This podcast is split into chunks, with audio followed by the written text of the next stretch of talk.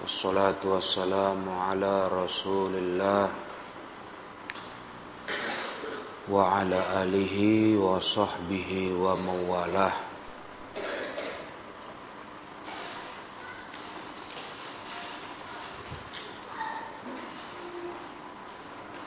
Pelajaran kita hadis terakhir ya Hadis terakhir dari bab tentang kezoliman.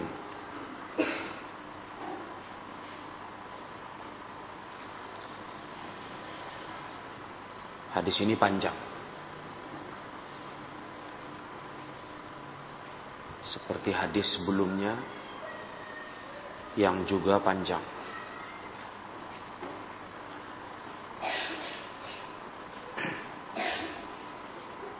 An Abi Dharrin عن النبي صلى الله عليه وسلم عن الله تبارك وتعالى qala. Dari sahabat Abu Dzar. Dari Nabi sallallahu alaihi wasallam. Dari Allah tabaraka wa ta'ala. Allah berkata berarti hadis ini hadis kudsi hadis kudsi adalah hadis yang mana Rasulullah Shallallahu Alaihi Wasallam menceritakan ucapan Allah. Jadi ucapan Allah ada berupa bentuknya Al-Quran, ada berupa hadis. Kalau hadis namanya hadis kudsi. Allah tabaraka wa taala berkata, Ya ibadi, wahai hamba-hambaku, Inni qad haramtu zulma ala nafsi.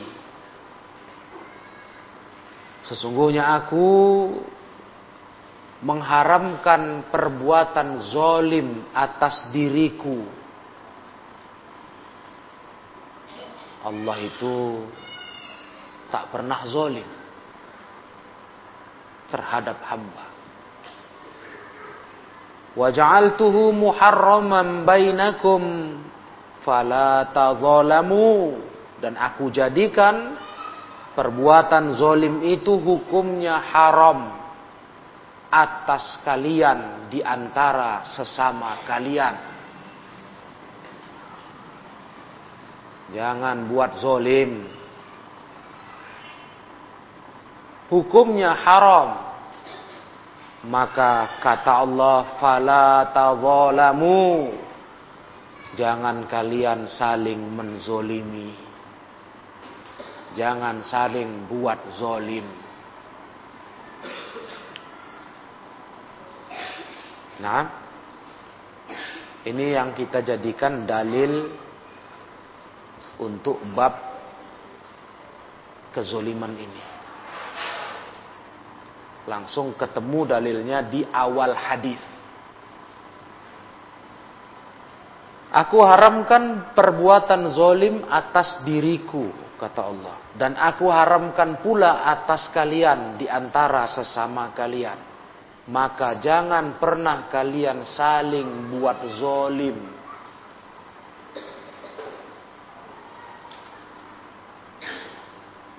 Buat zolim di sini sudah paham kalian kan? apa perbuatan zolim di antara sesama kita. Hah?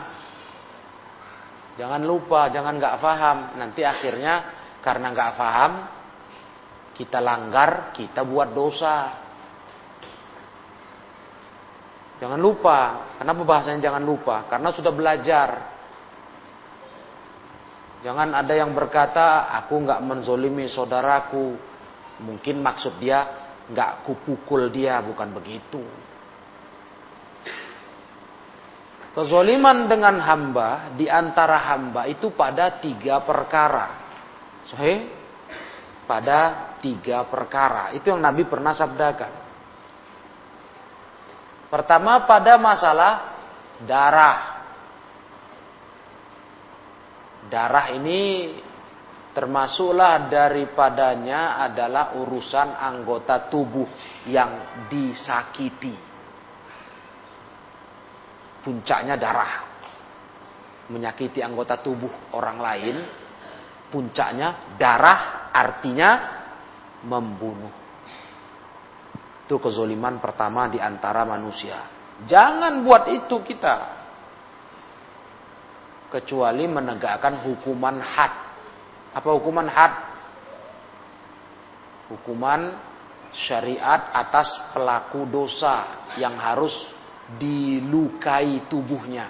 Contoh, hukuman potong tangan bagi pencuri. Nah, itu boleh. Karena ada aturan syariat atau hukuman kisos, ya kan? Kisos tahu? Nah, karena boleh diatur syariat. Itu contoh yang dibenarkan. Adapun kalau tidak ada aturan syariatnya, seorang muslim tak boleh menzolimi saudaranya dalam urusan darah. Tak boleh. Nah, ini makanya harus tahu darah dan seluruh mukaddimahnya. Mukaddimah itu sebagai pembukaan. Apa itu? Mukul, nendang. Ini sama. Itu semua urusan darah. Ini yang pertama. Yang kedua apa kata Nabi? Harta. So, masih ingat kalian? Nah, jangan zolimi kawanmu, saudaramu dalam urusan hartanya. Apa pun itu yang milik dia. Jangan ada yang bilang, ah cuma segini, ah cuma sekian saja kok nggak besar, nggak banyak. Jangan. Ini urusan harta. Jangan kau buat zolim ke saudaramu dalam urusan hartanya. Apa pun itu bentuk harta. Apakah uangnya, barang-barangnya, pakaiannya. Dan seluruh yang dia punya. Jangan kau zolimi dia. Dengan kau pakai tanpa haknya, kau ambil tanpa izinnya, kau buang, kau sia-siakan barangnya. Jangan. Itu zolim namanya fala tadzalamu jangan kalian saling menzolimi jadi kalau kamu digitukannya bagaimana ada kawanmu nggak masuk dia ilmu ini ya memang kita semua kita beda-beda ya ilmunya luar biasa alhamdulillah masya Allah nasihat agama nasihat dalil sampai tapi nggak masuk kotanya hidayah nggak masuk nggak datang Ya bukan bukan nggak ada, banyak lah. Mondok juga udah mau tamat misalnya. Udah kelas besar, muallimin. Tapi nggak nalar utaknya dengan ilmu yang dia pelajari sekian tahun. Nggak paham, nggak masuk. Nah, itulah hidayah.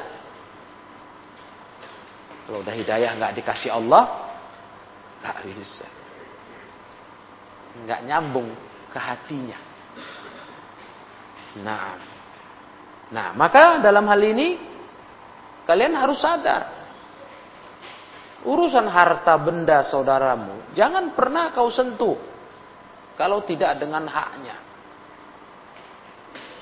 tidak dengan izinnya, tidak boleh. Ya, apa contoh yang ada izinnya? Nah, itulah dia harta-harta yang memang wajib dikeluarkannya. wajib dibayarkannya seperti zakat harta. Wajib. Itu wajib petugas pun boleh datang ke rumahnya ngambil harta itu. Itu nggak dengan zolim, dengan haknya. Yang lain apa lagi? Yang tidak zolim diambil hartanya. apa-apa yang harus dia bayar sebagai denda. Ya, denda. Seperti denda dalam kasus pembunuhan, diat. Kalau dia milih diat, ketika ditawarkan kepada keluarga eh, apa yang jadi korban, kalian minta apa? Ya sudahlah, nggak usah kisos, diat saja. Berapa diatnya? Dihitung dalam ilmu syariat. Oh besar, karena pembunuhan mungkin kena satu miliar misalnya yang membunuh itu harus diambil, bayar dia. Harus dikejar dia. Itu diambil dengan haknya. Paham Nah, ini masalah harta. Makanya kita takut kali masalah harta ini kita ada sangkut pautnya dengan sesama. Khawatir kita takut. Karena apa yang sudah pernah kita pelajari, urusan antar hamba kezoliman itu nggak akan selesai cuma minta ampun sama Allah. Bisa. Atau mungkin kau balas dengan cara lain, kau pernah curi harta kawan. Tapi tidak kau kembalikan dan kau tidak minta kerelaan. Terus ketika kau sudah banyak duit, kau rajin sedekah, niat kau menutupi dosa itu. Nggak bisa. Paham kalian? Jangan dikira bisa. Ah nanti aku banyak duit sedekah, aku banyak-banyak. Nutupin dosa aku dulu nyuri. Nggak bisa. Urusanmu dengan orang yang kau curi, korbannya, belum selesai. Hak dia masih kau ambil. Belum ikhlas, dia belum rela. Ngerti? Walaupun kau sudah sedekah bangun masjid lagi. Bangun masjid, bangun pesantren. Wah, habis miliaran duitmu. Curian kamu kepada kawanmu cuma 100 ribu. Nggak bisa. Nggak bisa terus, ah tenggelam itu. Ini banyak kali kebaikan sedekah orang ini. Nggak bisa. Itu namanya kezoliman antar hamba. Mana ada urusan kecurianmu ke kawanmu ini dengan sedekahmu miliaran. Mana ada kaitannya itu? Sohe? Sohemlah. Mana ada urusannya? Urusan dia kau rugikan. Kau ambil hartanya. Walaupun 100 ribu rupiah. Mana urusannya? Nah. Tuh ingat itu, jangan main-main kalian sama kezoliman ini, bahaya. Itu yang kedua. Soal harta. Yang ketiga soal kehormatan nama baik. Erdul muslim. Nah, ini hati-hati merusak kehormatan kawan, nama baik dia. Hati-hati mulutmu. Mulutmu jaga. Jangan asal ngomong jelekkan orang lain. Awas mulut-mulut itu. Kalau sempat rusak kehormatan dia tidak dengan haknya. Kau utang, utang zolim sama dia. Enggak selesai itu. Sampai kiamat dituntut di sisi Allah. Ya. Makanya kalau nggak mau banyak utang zolim sama orang, tangan jaga, mulut jaga. Apalagi menyangkut kehormatan nama baik orang lain. Jangan asal bunyi, asal cerita, asal cakap, asal bicara. Jangan.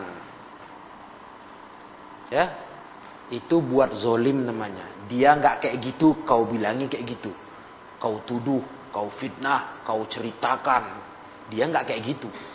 Dia terzolimi kehormatannya gara-gara kamu. Itu buat zolim kepada sesama. Dan kalian sudah juga belajar di pelajaran yang lalu. Nanti dibayar semua kezoliman itu baik darah, baik harta, baik kehormatan kalau belum selesai di dunia, di akhirat dibalas dengan pahalamu. Pahalamu diambil, dikasih sama orang yang kau zolimi. Sahih enggak? Hadis apa itu yang kita pernah kita pernah sampaikan? Hadis muflis, orang bangkrut. Bangkrut datang ke akhirat, masya Allah, pahalanya mantap Solatnya mantap. Wajibnya, sunatnya. Oh.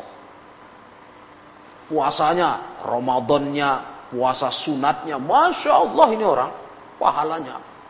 Zakatnya, wah. Terjaga. Haji, wah Masya Allah. Pokoknya ibadah banyak. Tapi utang zolimnya pun banyak. Akhirnya apa kata Rasul di hadis itu? Diambil sedikit dari pahala ini, bayar ke orang yang dizolimi. Ambil lagi, bayar orang lain. Ambil lagi. Lama-lama habis. Dibayar pakai pahala. Ternyata kezolimannya belum siap. Masih ada orang lain belum dibayar. Ayo, ini udah habis nih. Terus apa kata Nabi? ukhidha diambil min sayyiatihim dosa-dosa orang yang dizoliminya diambil ditimpakan ke dia dia nanggung hukumannya itulah orang bangkrut atadruna manil muflis kata Rasul tahu kalian orang bangkrut itu dia nah, jangan macam-macam masalah sesama hidup dengan manusia ini Jaga-jaga sikap, jaga-jaga mulut, jaga-jaga tangan. Ya. Percuma kalian taat-taat, sholat kalian nggak tinggal, sholat sunat rajin, sholat malam lagi. Kalau mulutmu kotor, nanti kau bayari utang zolim aja sama orang. Ibadah mantap,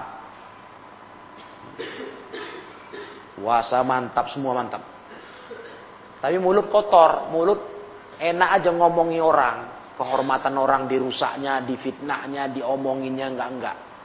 Tangan jahat, panjang tangannya. Semaunya aja mengambil harta orang. Nah. Atau menyakiti badan orang, darah orang. Nah, inilah yang harus kita takutkan ya. Pikir-pikir, orang beriman tuh mikir selalu urusan akhirat urusan hidup setelah mati. Tadi pagi sudah kita baca, ya kan? Tadi pagi kita belajar manhaj. Kalian dengar sudah. Ini baru fase ketiga. Tahap ketiga dalam hidup kita. Masih ada dua lagi. Alam yang mau kita datangi. Hmm. Dan itu panjang-panjang yang dua lagi ini yang terpanjang yang nggak akan pernah habis-habisnya akhirat. Yang sebelumnya barzakh. Barzakh itu lama loh. Pokoknya sampai kiamat belum tiba, kita masih di alam barzakh setelah mati. Imma mendapatkan nikmat kubur, alhamdulillah. Wa imma mendapatkan azab kubur. Kelas, ini sisi dalil dari hadis yang kita baca. Nah, sebelum kita lanjutkan ya kepada lafat hadis berikutnya.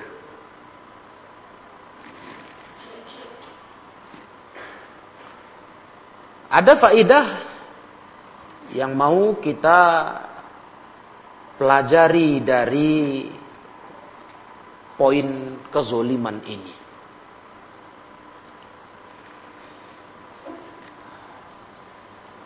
Yang kita bicarakan tadi, kezoliman antar hamba. Itu sebenarnya jenis kezoliman yang kedua. Jenis kezoliman yang kedua. Kezoliman antar hamba. Atau bahasa Arabnya, zulmul abdi li ghairi seorang hamba menzolimi orang lain. Adapun jenis pertamanya dari kezoliman adalah jenis pertama dari kezoliman adalah zulmun nafsi. Kezoliman atas diri sendiri. Nah, jangan jangan sampai nanti kalian mikir, Jangan zolimi orang lain, jangan zolimi orang lain. Tahu-tahu lupa dengan poin pertama, nggak tahu. Zolim ke diri sendiri. Yang dimaksud dengan zolim diri sendiri adalah yang paling terbesarnya syirik. Itu zolim itu. Kezoliman terbesar itu syirik. Nah, itu sebabnya dalam keyakinan kita ahli sunnah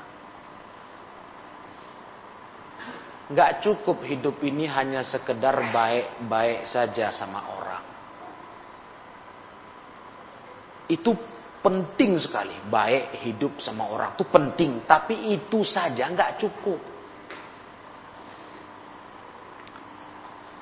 Malah ketika seorang hamba selamat dari buat zolim ke orang lain, berarti hidupnya baik. Hidupnya mantap. Ini mantap ini orang Islam kayak gini. Karena Nabi sendiri yang bilang, Al muslimu man salimal muslimu namin lisanihi wa yadi. Orang Islam itu yang yang Islam yang sebetulnya Islam itu orang yang orang lain selamat dari lisan dan tangannya. Orang lain selamat dari cakap dia, dari tangan jahatnya, selamat.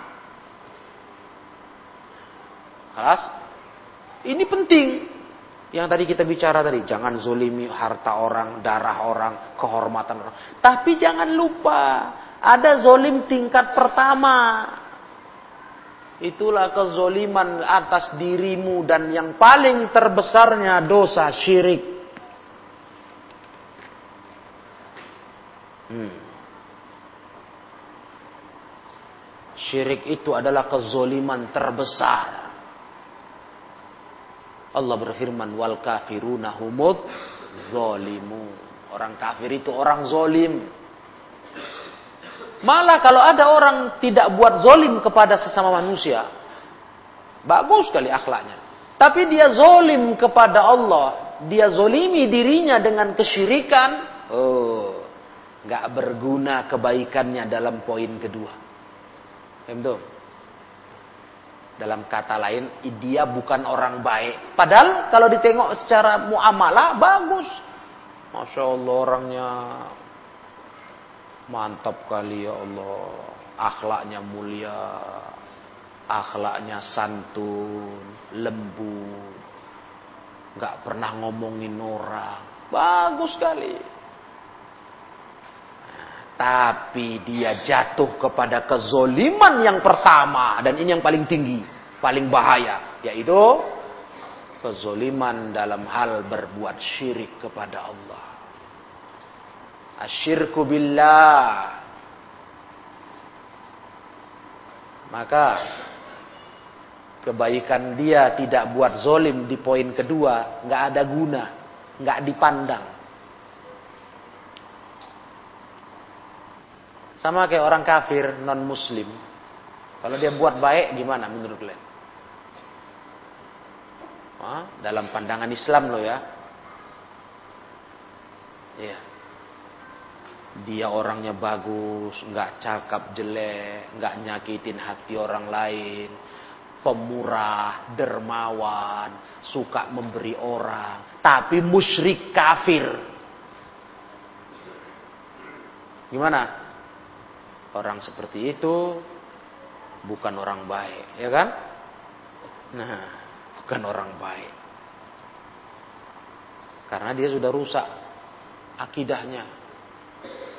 Dia buat kezoliman terbesar, menyekutukan Allah. Itu. Paham ya? Ini yang paling penting lagi yang nomor satu ini. Ini faedah untuk kalian tahu. Itu orang kafir. Orang Islam gimana? Ya sama. Walaupun dia muslim, tapi kerjanya buat syirik. Jangan kalian tertipu dengan kebaikannya. Apalagi sempat pula dia punya kelebihan. Apa kelebihannya? Rupanya dia berilmu juga masalah agama. Ustad. Nah, ustad. Guru agama. Kiai. Kiai. Oh, hebat nggak? Punya pondok pesantren, muridnya ribuan. Luar biasa itu kalau kita tengok dari kelebihan itu. Akhlaknya mantap. Orangnya bagus. Tapi akidahnya rusak. Rupanya dia meyakini apa? Meyakini ibadah kepada selain Allah dalam bentuk kuburan-kuburan yang disembah boleh. Dengan dalil tawassul. Tawassul syirik. Ngajarkan tabarruk, cari berkah, minta-minta di kuburan wali. Bagaimana ini orang? Bahaya mana dengan dia orang yang mulutnya kotor, tangannya jahat, ngambil harta orang, bahaya mana? Bahaya dia. Jangan salah kalian. Kalau andai kata ya, bukan kita bilang maling baik, bukan. Andai kata ada maling, ada rampok, begal, apa lagi? Hah? Yang zolim-zolim sama orang lain lah. Ya, rampok, begal, pembunuh. Tukang caci maki. Tukang hina orang, tukang fitnah. Itu satu sisi. Tapi dia tidak musyrik. Nah, dengar kalian. Bukan kita bela kesalahan dia bukan. Kita mau perbandingan aja. Dia bukan musyrik. Muslim. Gak mau dia buat syirik. Tahu dia tak boleh minta ke selain Allah. Cuman tingkahnya na'udzubillah. Pokoknya buat zolim aja kerjanya. Preman lah bahasa kita ya kan. Preman. Bikin onar di masyarakat. Tapi nggak mau buat syirik. Yang satu, ustadz, kiai. Oh, hebat sudah. Masalah agama jangan tanya. Akhlaknya. Dan berbagai kebaikan-kebaikannya. Tapi musyrik dia buat syirik. Hmm. Mana yang bagus? Yang lebih baik yang mana? Jangan dibilang yang bagus. Nanti dibilang orang kita membolehkan membela perampok. Mana yang lebih lebih ringan salahnya? Lebih ringan. Lebih kecil salahnya. Yang mana? Si perampok atau si Ustaz. Hah? Yang lebih ringan loh. Yang mana? Nah, paham kalian kan? Karena yang perampok ini tidak buat zolim tingkat pertama. Itu yang paling besar. Yang kezoliman lainnya salah. Mana pula nggak salah ngerampok. Kalau Islam hukum Islam ada, pencuri itu potong tangan. Hmm, nah, sepergelangan. Salah lah itu. Ya kan? Membunuh kisos. Tapi dibandingkan kesalahan ini orang yang pertama, yang dia orang beragama dan semuanya lah bagus. Tapi orang yang jatuh kepada syirik billah. Wah, kiai, kiai katanya kiai, tapi jimatnya wow. Jangan salah kalian. Pesantren-pesantren yang belajar tenaga dalam itu, itu banyak kali benda pusakanya itu tuh kalian. Keris pusaka, jimat-jimat, banyak itu. Hmm. Jangan main-main kalian tuh. Pegangan istilah mereka, pegangan itu. Ini apa namanya ini semua? Syirik ini. Di kamarnya menyimpan jimat, benda pusaka, bertuah, keris-keris. Itu syirik kepada Allah. Syirkun billah. Lebih ringan si perampok, begal, maling, pembunuh ini. Sahih. Kalaupun dia mati belum tobat, nggak kekal di neraka. Kalaupun dibakar di neraka. Tapi yang ini mati belum tobat, kekal di neraka selamanya. Itulah akidah ahlus sunnah. Nah ini tambahan untuk kalian pelajari, untuk kalian perhatikan. Betapa besarnya keutamaan tauhid. Iya. Keutamaan tauhid. Makanya kita nggak pernah tertipu dengan kebodohan yang sekarang lagi disebar di masyarakat tentang ke keistimewaan, keutamaan orang yang tercatat sebagai garis keturunan Nabi. Lagi disebar ini. Mari, mari muliakan para keturunan Nabi Muhammad SAW. Cucu-cucu. Yang populer digelar dengan Habaib, Habib, Habib. Ya kan? Pokoknya kalau udah katanya orang ini tercatat keturunan Nabi Muhammad, wah itu harus bela habis tenaga dengan nyawa. Kami membela zuriat Rasulullah, keturunan Rasulullah. Wow, gitu-gitu. Eh rupanya la ilaha illallah. Bukan baru ininya munculnya orang-orang yang dibilang keturunan Nabi itu. Sebetulnya udah lama. Cuma dulu, dulu dengar kalian. Dulu belum ada handphone Android. Nggak tersebar itu. Mereka udah lama punya kelompok, kelompok Habib ini. Dan mereka inilah grup penyembah kubur. Cuman dulu kan nggak ada Android. Nggak bisa masuk video-video HP kita HP zaman dulu. Suara yang bisa didengar dengan ketikan saja ya kan. Ketika zaman sekarang sudah ada Android, yang fungsinya mengalahkan televisi, menyebar berita, ah, barulah menyebar. Kalau cuma berita di TV, orang nggak selalu nengok TV. Ada juga dulu di TV masuk itu cerita-cerita Habib-Habib ini.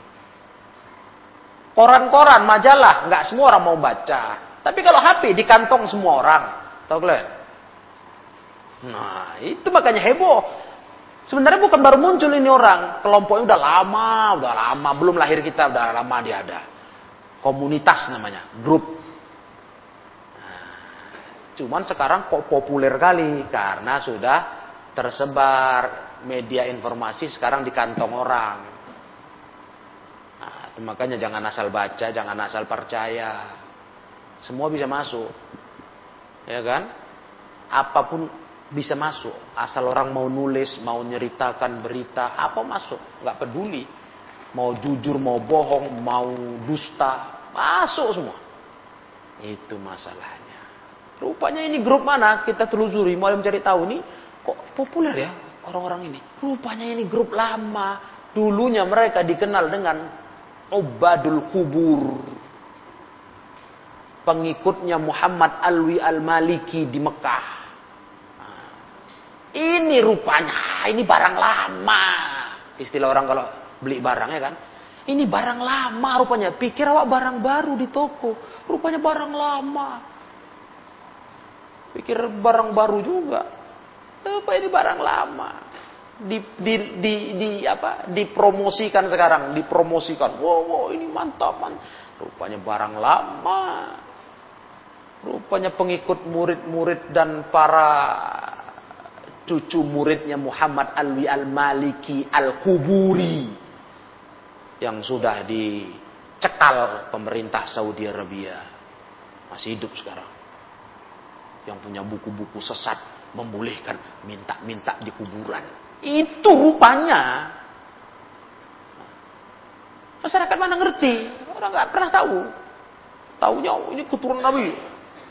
Kalau cinta Nabi bela keturunannya katanya gitu. Nah coba Gimana lah itu? Nah, ini kalian harus tahu nih ya masalah kezoliman ini. Jadi jangan hanya fokus kezoliman antar hamba. Ingat kezoliman kepada Allah Ta'ala yang lebih parah. Kalau sampai ke tingkat syirik. Kalau syirik, kalau dosa-dosa di bawah syirik, lebih ringan. Kalau syirik, wah itu nggak ada ampunan kalau tidak tobat. Mati kafir kalau belum tobat dari dosa syirik kekal di neraka selamanya. Kelas? Kemudian ya ibadi kita baca isi lanjutan hadisnya walaupun sudah habis sisi dalilnya tapi banyak faidah. Perhatikan. Wahai hamba-hambaku innakumul ladzina takhta'una bil-laili wan nahar. Kalian yang selalu buat salah pagi malam, malam siang. Kalian buat salah terus kan? Takhta'un Siang malam buat salah kalian. Wa ana aghfirudz dzunuba wala ubali. Aku ini kata Allah yang Maha Pengampun dosa. Aku nggak peduli dosa-dosa kalian itu. Fastaghfiruni aghfir lakum. Ayo minta ampun kalian kepadaku. Ku ampunkan dosa itu. Tahu Allah kita tukang buat dosa. Siang malam buat dosa. Tapi minta ampun lah. Aku nggak peduli dosa itu kata Allah. Ku ampunkan. Asal minta ampun. Oh luar biasa. Allah maha pengampun. Tapi minta ampun. Jangan cengenges-cengenges saja buat dosa lupa istighfar, lupa minta ampun kepada Allah, tobat. Walaupun kalian buat dosa siang malam, malam siang, aku nggak peduli kata Allah. Asal minta ampun. Ayo minta ampun kepada aku. Ya ibadi hai hamba-hambaku, kullukum ja'i'un illa man at'amtuhu. Semua kalian ini orang lapar, kecuali siapa yang aku beri makan dia fastat'imuni at'imkum ayo minta makan kalian sama aku ku beri makan kalian nanti nah ya ya karena kita ini semua orang lemah orang lemah orang nggak punya apa-apa lapar yang bisa kita ngasih makan kita Allah maka minta minta Makan kepada aku, ku kasih makan. Asal memohon kepada aku, kata Allah. Masya Allah. Itu hadisnya, hadis kursi.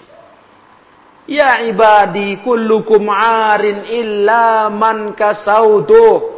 Hai hamba-hambaku semua kalian ini telanjang. Kecuali siapa yang aku beri pakaian. Man kasautuh. Aku beri pakaian. Makanya fastaksuni aksukum. Ayo minta pakaian sama aku, ku kasih kalian pakaian. Ku kasih kalian pakaian. Masya Allah. Asal minta kepada aku, kata Allah. Ayo minta. Jadi masalah kita ini sebenarnya malas minta manusia ini ya. Kalian jangan lupa ya, minta kepada Allah itu beda dengan minta ke manusia. Kalau kepada manusia kita meminta, kalau sering-sering dia bosan. Mungkin awalnya kesian, iba, lama-lama bosan, marah dia. Itu kalau manusia sering-sering dimintai. Dikit-dikit minta, dikit-dikit minta, lama-lama dia bosan. Pala dia. Karena manusia ini paling nggak suka kalau kita me, apa istilah orang mengincar hartanya. Gak suka dia. Jadi minta, nah itu gak suka dia, lama-lama dia benci. Pala. Awalnya kesian. Tapi tidak dengan Allah subhanahu wa ta'ala. Kalau Allah subhanahu wa ta'ala hmm, makin sering kalian minta makin senang Makin sering diminta, makin senang. Ya. Itu makanya sampai-sampai kata Ummul Mukminin Aisyah. Pokoknya minta terus sama Allah dalam segala urusan. Kita ini malasnya kita di sini. Sok-sok bisa ngurus sendiri. Nah, itu masalah kita. Tapi kalau semua orang ngecek-ngecek, istilah ngecek-ngecek, ya kan. Sama Allah malas. Padahal Aisyah Ummul Mukminin pernah ngasih nasihat. Kata Aisyah apa? Salullaha kulla syai'in hatta sya' hatta syas'a. Asyas'a.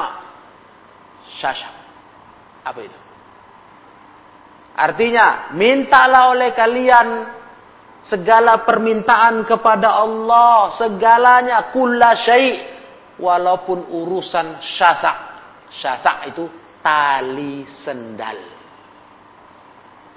Tali sendal. Penting kali enggak tali sendal? Sendal jepit. Sendal jepit kau putus. Minta sama Allah. Biar ada gantinya. Ah, sampai urusan tali sendal. Minta sama Allah. Itu semua urusan minta. Minta-minta aja kalian lah. Makin sering minta Allah makin senang. Itu sifat Allah. Karena kita makin nampak butuh kepada Allah. Itu dia. Walaupun urusan tali sendal. Kenapa kata Ummul Mukminin Aisyah? Fa inna Allah lam yuyassirhu illam yuyassirhu lam yatayassar. Karena kalau Allah tidak mudahkan walaupun urusan tali sendal itu nggak akan bisa mudah urusannya. Jangan sepele kalian. Walaupun urusan tali sendal. Kalau Allah nggak mudahkan, itu nggak bisa mudah urusannya. Jadi sulit. Walaupun urusan kecil, urusan sepele ya lah sepele lah tali sendal. Sendal udahlah, sendal murahan. Ya kan? Tapi minta terus sama Allah.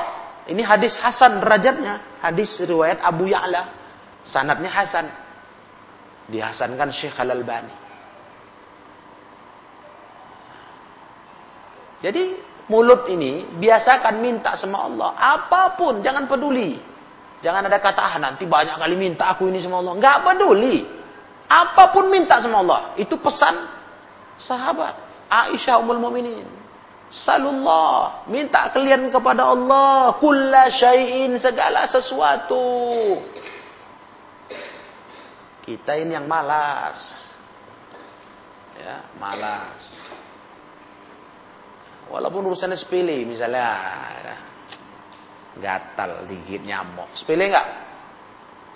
Biasa kalian udah kebal mungkin. Ya kan?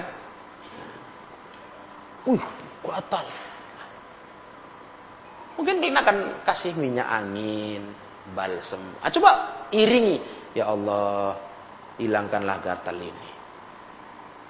Karena kalau tidak Allah buat mudah, nggak hilang itu. Oh, sampai lecet, tau kalian? Pernah kena gigit nyamuk sampai lecet nggak hilang gatal? Pernah? Pernah belum? Pernah ya kan? Balsem tuh tebal-tebal dikasih. Enggak juga, terakhir digaruk lecet. Nah, jangan salah, jangan sepele. Coba banyakkan minta sama Allah. Nah, itulah pentingnya doa. Iya, pentingnya doa. Apa pun, apa pun, apa pun minta sama Allah.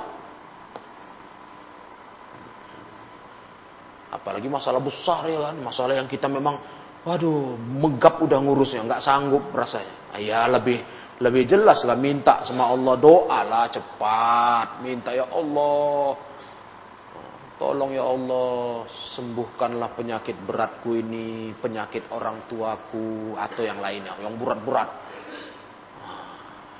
Ya, begitu. Selalu minta sama Allah, apa saja minta ke Allah. Allah tuh sangat senang makin sering kalian minta. Makin sering diminta makin senang. Karena menunjukkan butuhnya kita kepada Allah tabaraka wa ta'ala. Ya ibadi, wahai hamba-hambaku. Inna law anna awal awalakum wa akhirakum wa insakum wa jinnakum.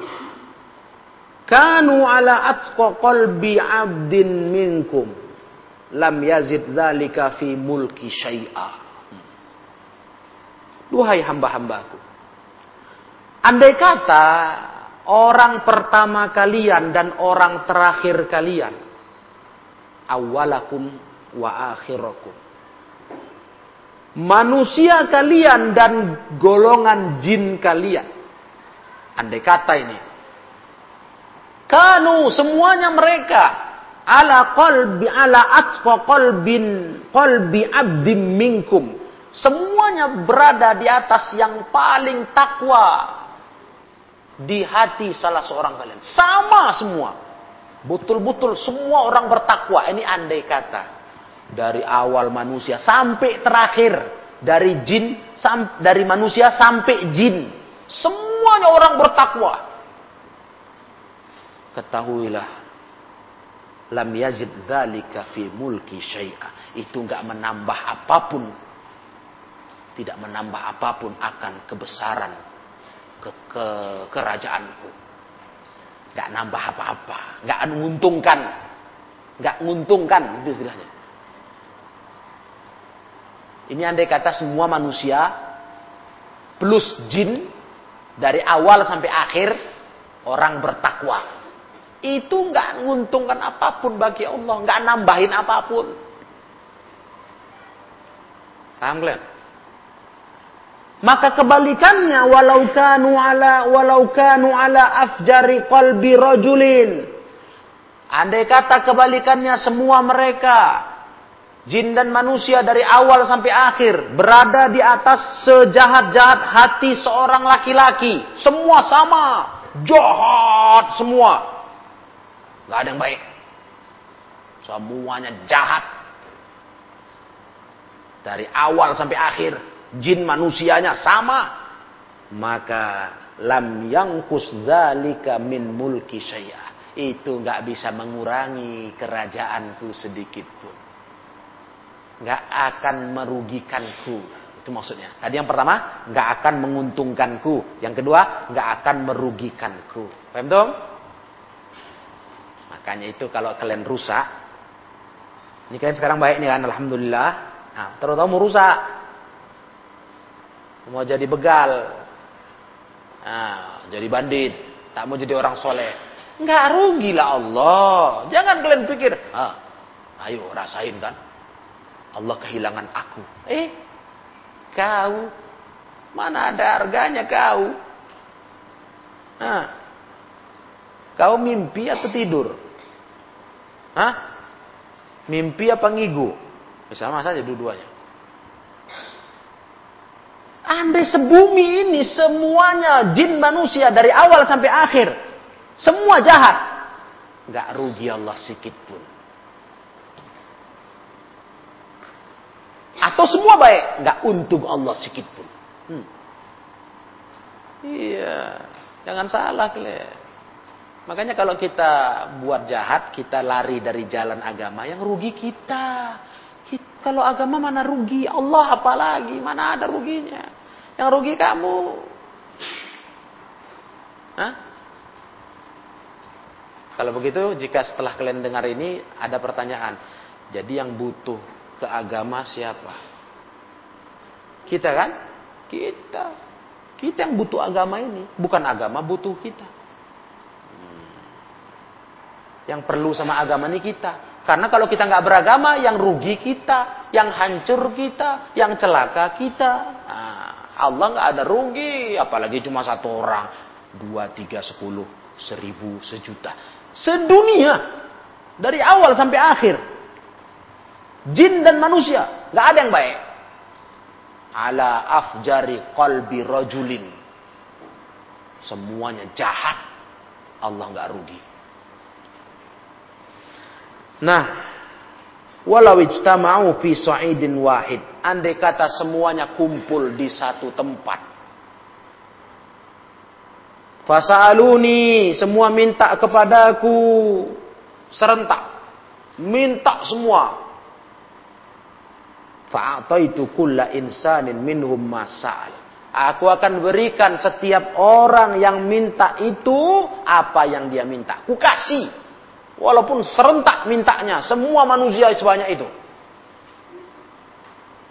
Serentak semuanya dari awal sampai akhir minta sama Allah jin manusia, aku kasih kata Allah. Walam yang dzalika min mulki syaya dan itu enggak mengurangi kerajaanku sedikit pun. Enggak bikin Allah bangkrut ngasihin hambanya yang sebanyak itu. Oh, itu menunjukkan Allah Maha Kaya. Nah, ya, Allah Maha Kaya, Allah Maha Mendengar. Nah, iya. Ya betul? Makanya minta terus ya, doa terus.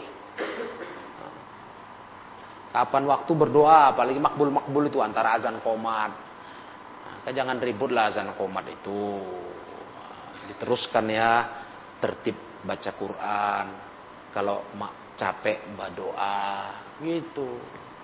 Ya akhwat. Ini enggak akhwat nih, berdiri rombongan.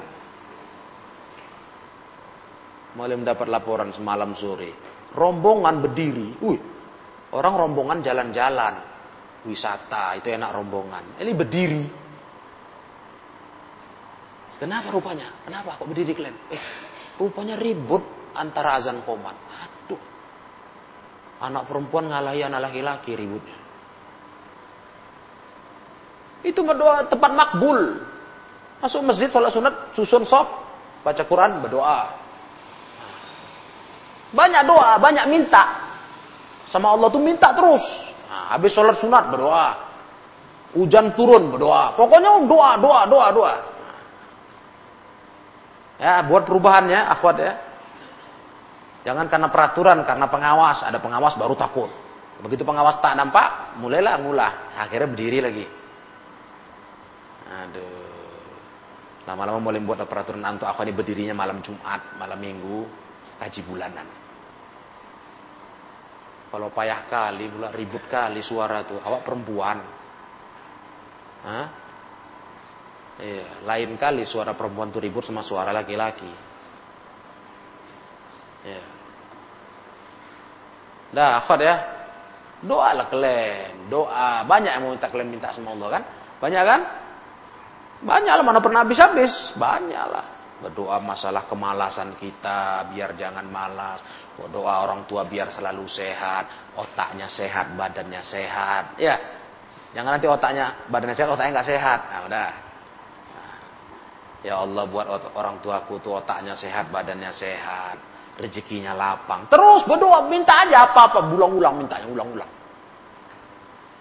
Nah, nih Nggak berkurang itu kalau Allah kabulkan. Nggak berkurang sedikit pun dari kekayaan Allah. Illa kama yang kusul bahru ayyughmasa fihil mikhyatu ghamsatan wahida. Kecuali berkurangnya ibarat. Berkurangnya air di lautan ketika dimasukkan satu jarum ke dalamnya. Bagaimana? Kalian tahu gayung kan? Kalau gayung Kalian jatuhkan di situ batu. Air itu penuh segayung taruh batu. Kan gara-gara masuk benda dia meluap. Betul nggak? Pus keluar deh sedikit ya kan. Makin gede batunya, makin wow, makin nolak dia. Nah, kalau jarum kalian lemparkan ke laut, berapa banyak air laut tersedot, tumpah. Ini yang ini yang bilang Allah ini. Bukan permisalan mualim karang. Allah ini hadis kursi. Berkurangnya kekayaan Allah kalau ngasihi hambanya setiap minta. Itu ibarat laut dilempar jarum. Ah, berapa kurangnya? Berapalah airnya meluap gara-gara jarum jatuh. Plung. Jangankan jarum. Ah. Raja jarum pun. Iya. Sebesar raksasa jarumnya dijatuhkan ke laut. Nggak apa-apa sama laut itu, nggak terus muntah dia, wuh ke samping, nggak akan. Ya tenggelam aja, lek hilang. Namanya laut. Oh tadi ceritanya ember gayung, iyalah gayung segayung air penuh, taruhkan batu. Makin besar batunya kalian taruh, makin muntah lah dia. Pluk, muntah dia. Terus kita angkat batunya tinggal setengah gayungnya. Ya kan? Pasti gitu. Airnya tinggal setengah kan? Namanya udah muntah. Sekarang Gak usah kan laut, gayung aja. Kalian ambil jarum jahit, jatuh kan? Berapa kurang airnya? Pasti kalian bilang, nggak ada apa-apa. Ya kan terlalu halus. Nah, bagaimana laut? Jadi permisalan Allah ini luar biasa. Udah nalar kali otak kita. Istilahnya nggak berkurang sedikit pun kekayaan Allah memenuhi permintaan hamba sebanyak itu semua semua manusia. Subhanallah, Allahu Akbar. Ya ibadi, wahai hamba-hambaku. Innama ya'malukum aj'aluha alaikum faman wajada khairan falyahmadillah. Hanya saja itu semua amal-amal kalian kuberikan itu untuk kalian. Siapa yang mendapati baik, hendaklah dia memuji Allah. Syukur sama Allah kalau dia dapatkan kebaikan dari amalnya. Itu untung dia. Waman wajada ghairu dalik, siapa yang merasakan selain itu, berarti dia nggak merasakan yang baik. Ulahnya buruk. Fala yaluma, fala yalumu illa nafsah. Dalam riwayat Muslim, fala yalumanna, ada nun taukidnya. Kalau di sini nggak ada. Fala yalumu illa nafsah. Jangan mencela kecuali salahkan diri sendiri. Siapa suruh nggak beramal baik? Salahkan diri sendiri. Kalau ternyata kamu dapat azab, kamu nggak jadi orang baik. Hah, Masya Allah hadis kursi ini ya. Sampai-sampai tengok ini. Karena Abu Idris. Abu Idris yang meriwayatkan hadis ini. Idza haddatsa bihadzal hadis waktu dia meriwayatkan hadis ini, tak kalau menceritakan hadis ini, jata ala rukbatih. Jasa itu artinya duduk di atas dua lututnya. Kata ulama, maksudnya apa? Saking dia mengagungkan hadis ini, karena ini cakap Allah. Sampai-sampai dia kalau meriwayatkan hadis ini nggak duduk bersila kayak gini. Duduknya pakai lutut. Lututnya di ah, ke lantai menunjukkan besarnya riwayat ini. Cakap Allah ini. Penghormatannya. Masya Allah ya. Itulah ulama dulu. Nah, sekarang tinggal ke kita lah, kalian lah semua. Udah dapat hadis kursi ini. Ini hadis sahih. Hah? Karena kita sedang membaca kitab Sahih Al-Adabul Mufrad, ya kan? Ini bagian sohih-sohihnya saja. Dari karya Al-Imam Al-Bukhari. Hadis kursi ini coba perhatikan baik-baik. Masalah kezoliman. Masalah istighfar. Masalah doa kepada Allah. Nah, perhatikan baik-baik. Amalkan. Biar beruntung hidup ini. Biar selamat. Nah, jadi habis sudah alhamdulillah pelajaran kita dalam bab kezoliman.